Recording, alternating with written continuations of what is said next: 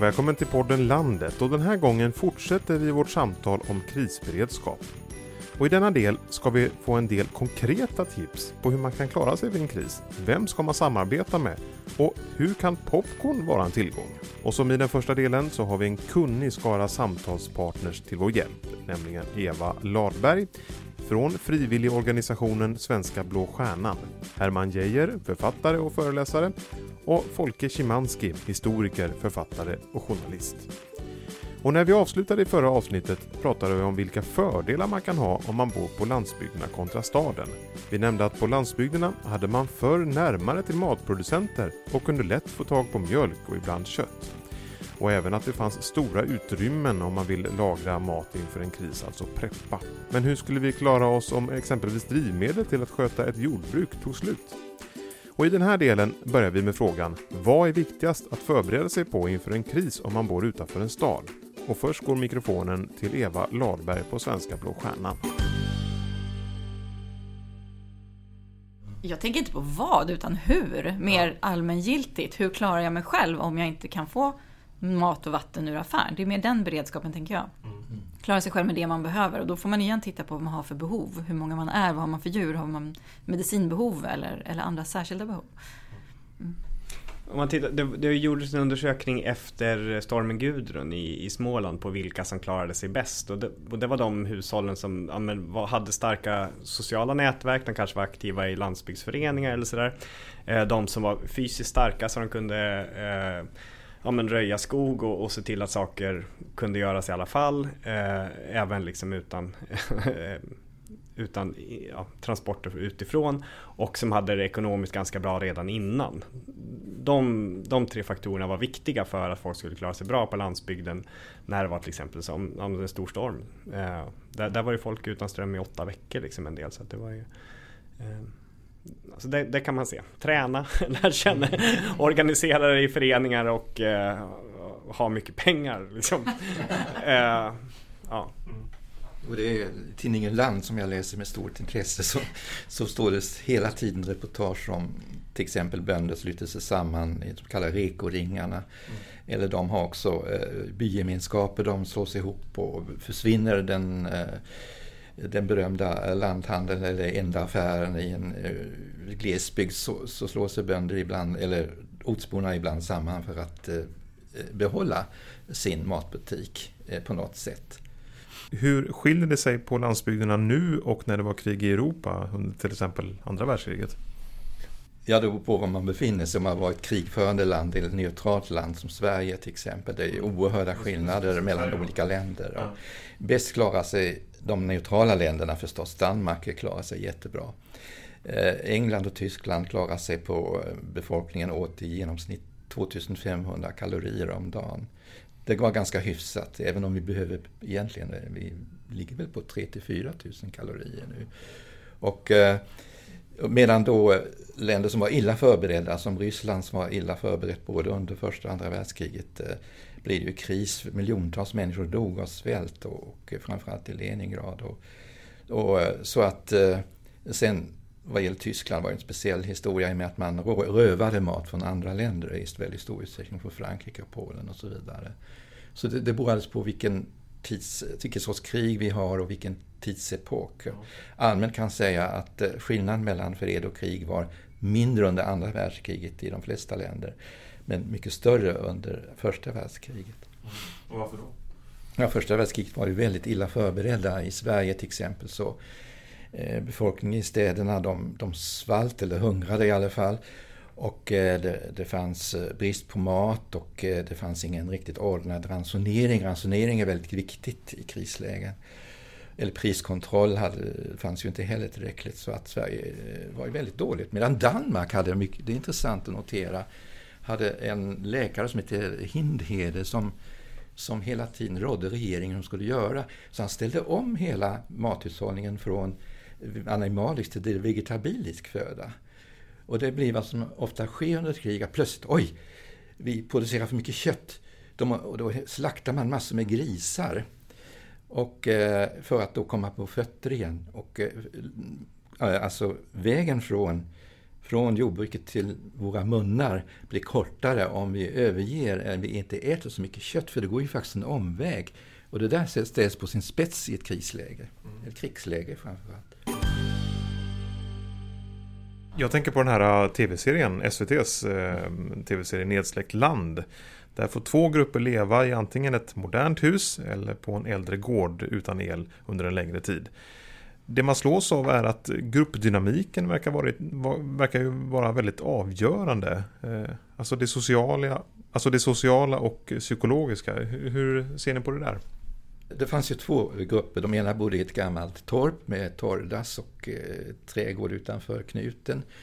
Och det andra levde i ett helt modernt hus som var beroende av eh, el väldigt mycket. Av, det var ju sånt där smart hus med, där man, när man tänkte så öppnas kylskåpsdörren nästan eller något sånt där.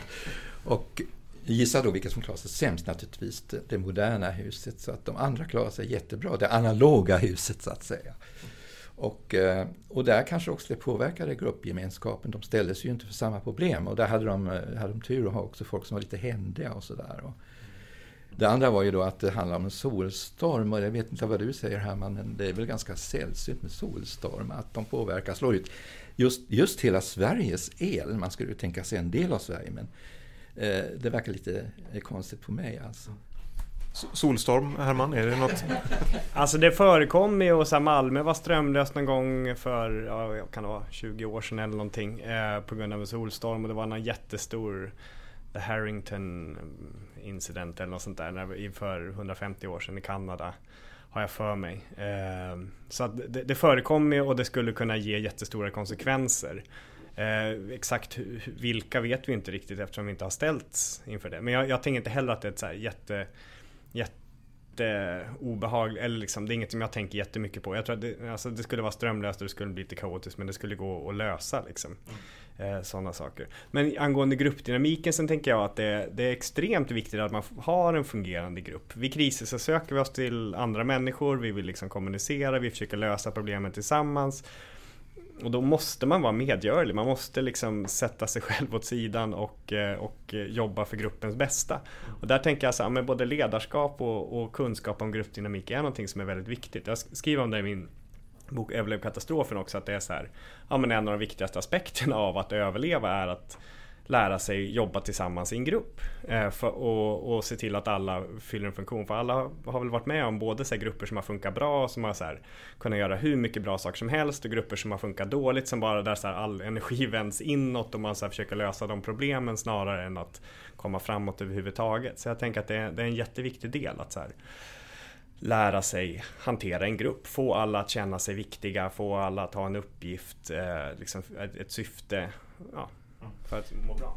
Och Eva, du som är en eh, prepper då, gruppdynamik, är det någonting som, du, som, som ni tränar på? eh, jag är ju ledaren i familjen så jag bestämmer. Nej men jag tänker väl också, det är jätteviktigt såklart, men jag hoppas ju vid en riktig kris att folk också blir lite mer medgörliga, att man gemensamt, det blir tydligare vad målet är och att man faktiskt måste samarbeta för att, att klara sig. Eh, men inom Blå Stjärnan är det ju så, där vi tränar och övar mycket just att det ska funka i grupp. Vi tvingar folk att bo två och två på våra kurser. Man måste som funka tillsammans och utmana det lite och lära sig att anpassa sig. Det är inte någon lyx här. Vad tycker de om det då, när de ska bo med någon okänd människa i, på hotellrummet kanske? Ja, det är lite olika. Och hotellrum, vi bor på vandrarhem okay. eller, eller naturbruksgymnasieskolornas elevboende. Okay. Nej men alltså det är ju en utmaning för vissa. Mm. Och, och, därför tror jag att det är viktigt att man har med det tänket också på kurserna. Så att man, alltså vid en kris, ja men då kanske det är gympasalen i en skola och det kanske är 100 personer som bor där. Mm. Det gäller att kunna stänga av och, och liksom slappna av i det och, och bara acceptera det. Mm. Ensam är inte stark kan man ju säga då eh, när man ska bilda team med någon. Eh, vad är det för egenskaper man ska leta efter i, eh, hos andra människor om man ska bilda ett bra team i, i kris och tänka på gruppdynamiken? Vad säger du Herman? Alltså jag vet inte om man ska leta efter egenskaper på det sättet. Jag tänker att man hamnar med människor. Ofta är det väl så grannar och sådär. Så men, eh, men jag brukar också prata om att så här, känna sina grannar är en av de bästa förberedelserna som finns. Och med ABF, så Arbetarnas bildningsförbund som jag också jobbar på, så har vi ett om ett projekt som heter Preppa tillsammans som handlar om att bygga gemenskaper i ja, men, i lokalsamhällen, i stadsdelar och sådär. Att man ska lära känna sina grannar, att man ska börja prata om hur man gör i förväg och ja, men, så här, planera lite för hur man kan hjälpa till med information och vilken resurs man kan vara. Så jag tänker att snarare än att hitta det bästa teamet så får man lära sig hantera människor. Liksom.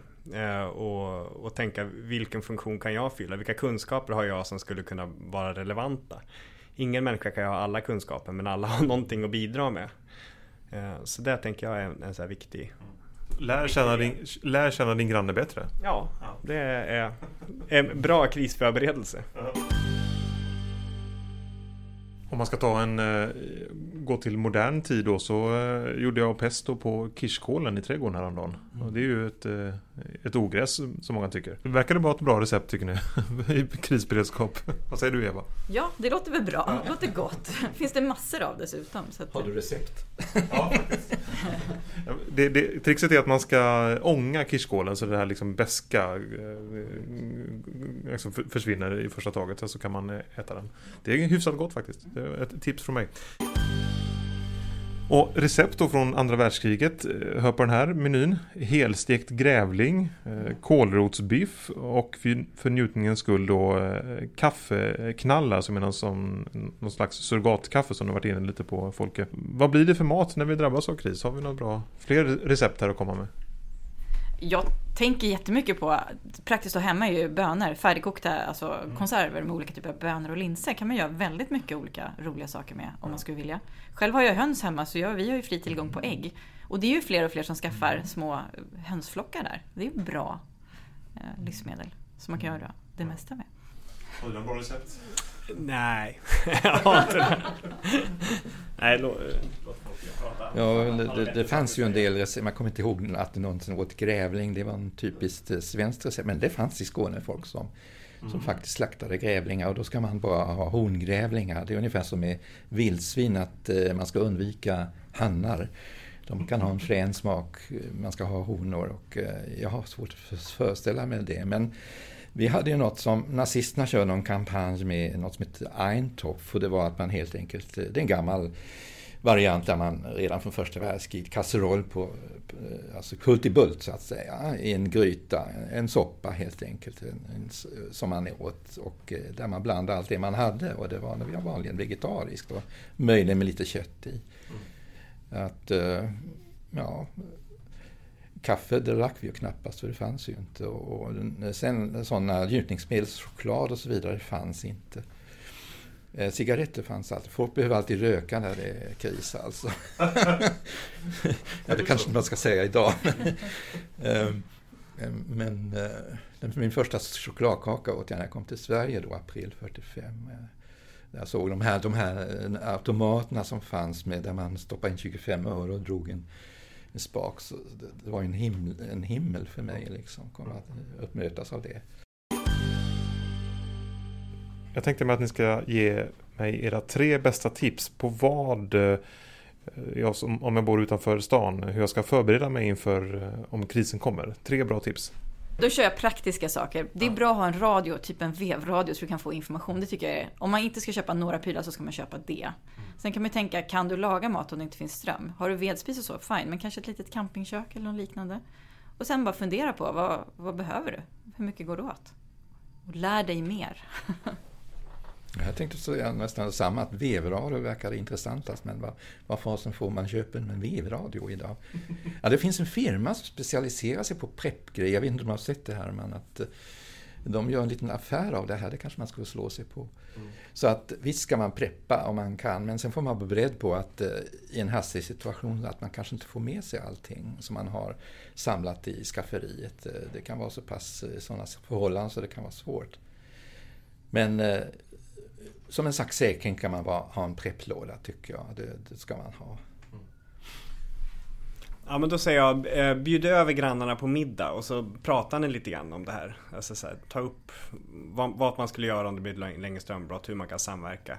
Eh, sen tänker jag fröer.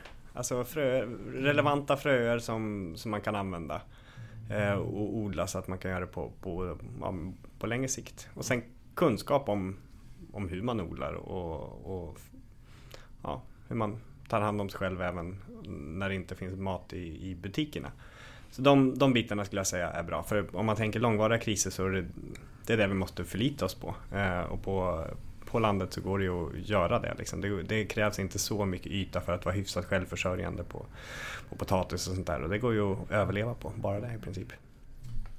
Ja, du sa potatis, eh, det är en grej jag har i min bok rätt mycket. Att de här moderna reglerna för hur man ska bli slank och så vidare, att inte äta kolhydrater, släppt i, en krissituation. Man får vara glad att man får protein i sig, för, om inte annat. Och sen i andra hand kommer den här tanken på vad som är nyttigt att äta. Men det är intressant att notera att det här övergången till vegetarisk föda som gärna sker under krig ökade folkhälsan i många länder, bland annat i Sverige under andra världskriget. Medan andra då svalt ihjäl, alltså det var ju slog åt båda hållen. Ja, alltså typ så diabetes typ 2 kommer väl, eller det kommer nästan försvinna i, i krissituationer. Men, men alltså just potatis är ju så här, äter man två kilo potatis om dagen så, så överlever man länge. Alltså det är en väldigt bra källa till, till det mesta egentligen. Det innehåller protein men ganska lite. Men i alla fall så man klarar över de här 0,9 gram per kilo kroppsvikt som man pratar om är det som är så här, för att klara sig. Eh, så ja, satsa på potatis. Men även, jag tänker även så att man tänker permakultur som är en så växande trend. Att man ska kunna ha eh, saker som, eh, som man inte behöver sköta om. Som självskötande trädgårdar lite grann. Med, med nötter och, och bär och buskar och så. Här. Sen vill jag bara slå ett slag för att vi i Sverige har ju otroligt mycket mark som inte går att odla. Men där ska vi ha betesdjur. Så att vi har vår, eh, för att få mjölk. För det är apropå med kriser och krig, det ser man ju barn i sådana länder oftast får jättestora problem med tillväxten och skeletten blir urholkade och sådana saker. Så man ska inte glömma animalierna om det går. Så lite kor som betar inom skog. Och eh, vi som sitter i det här rummet, ja men ni är ju på ett eller annat sätt förberedda på, en, eh, på, på kris. Eftersom ni eh, har jobbat med det här med krishantering. Vad är era respektive styrkor?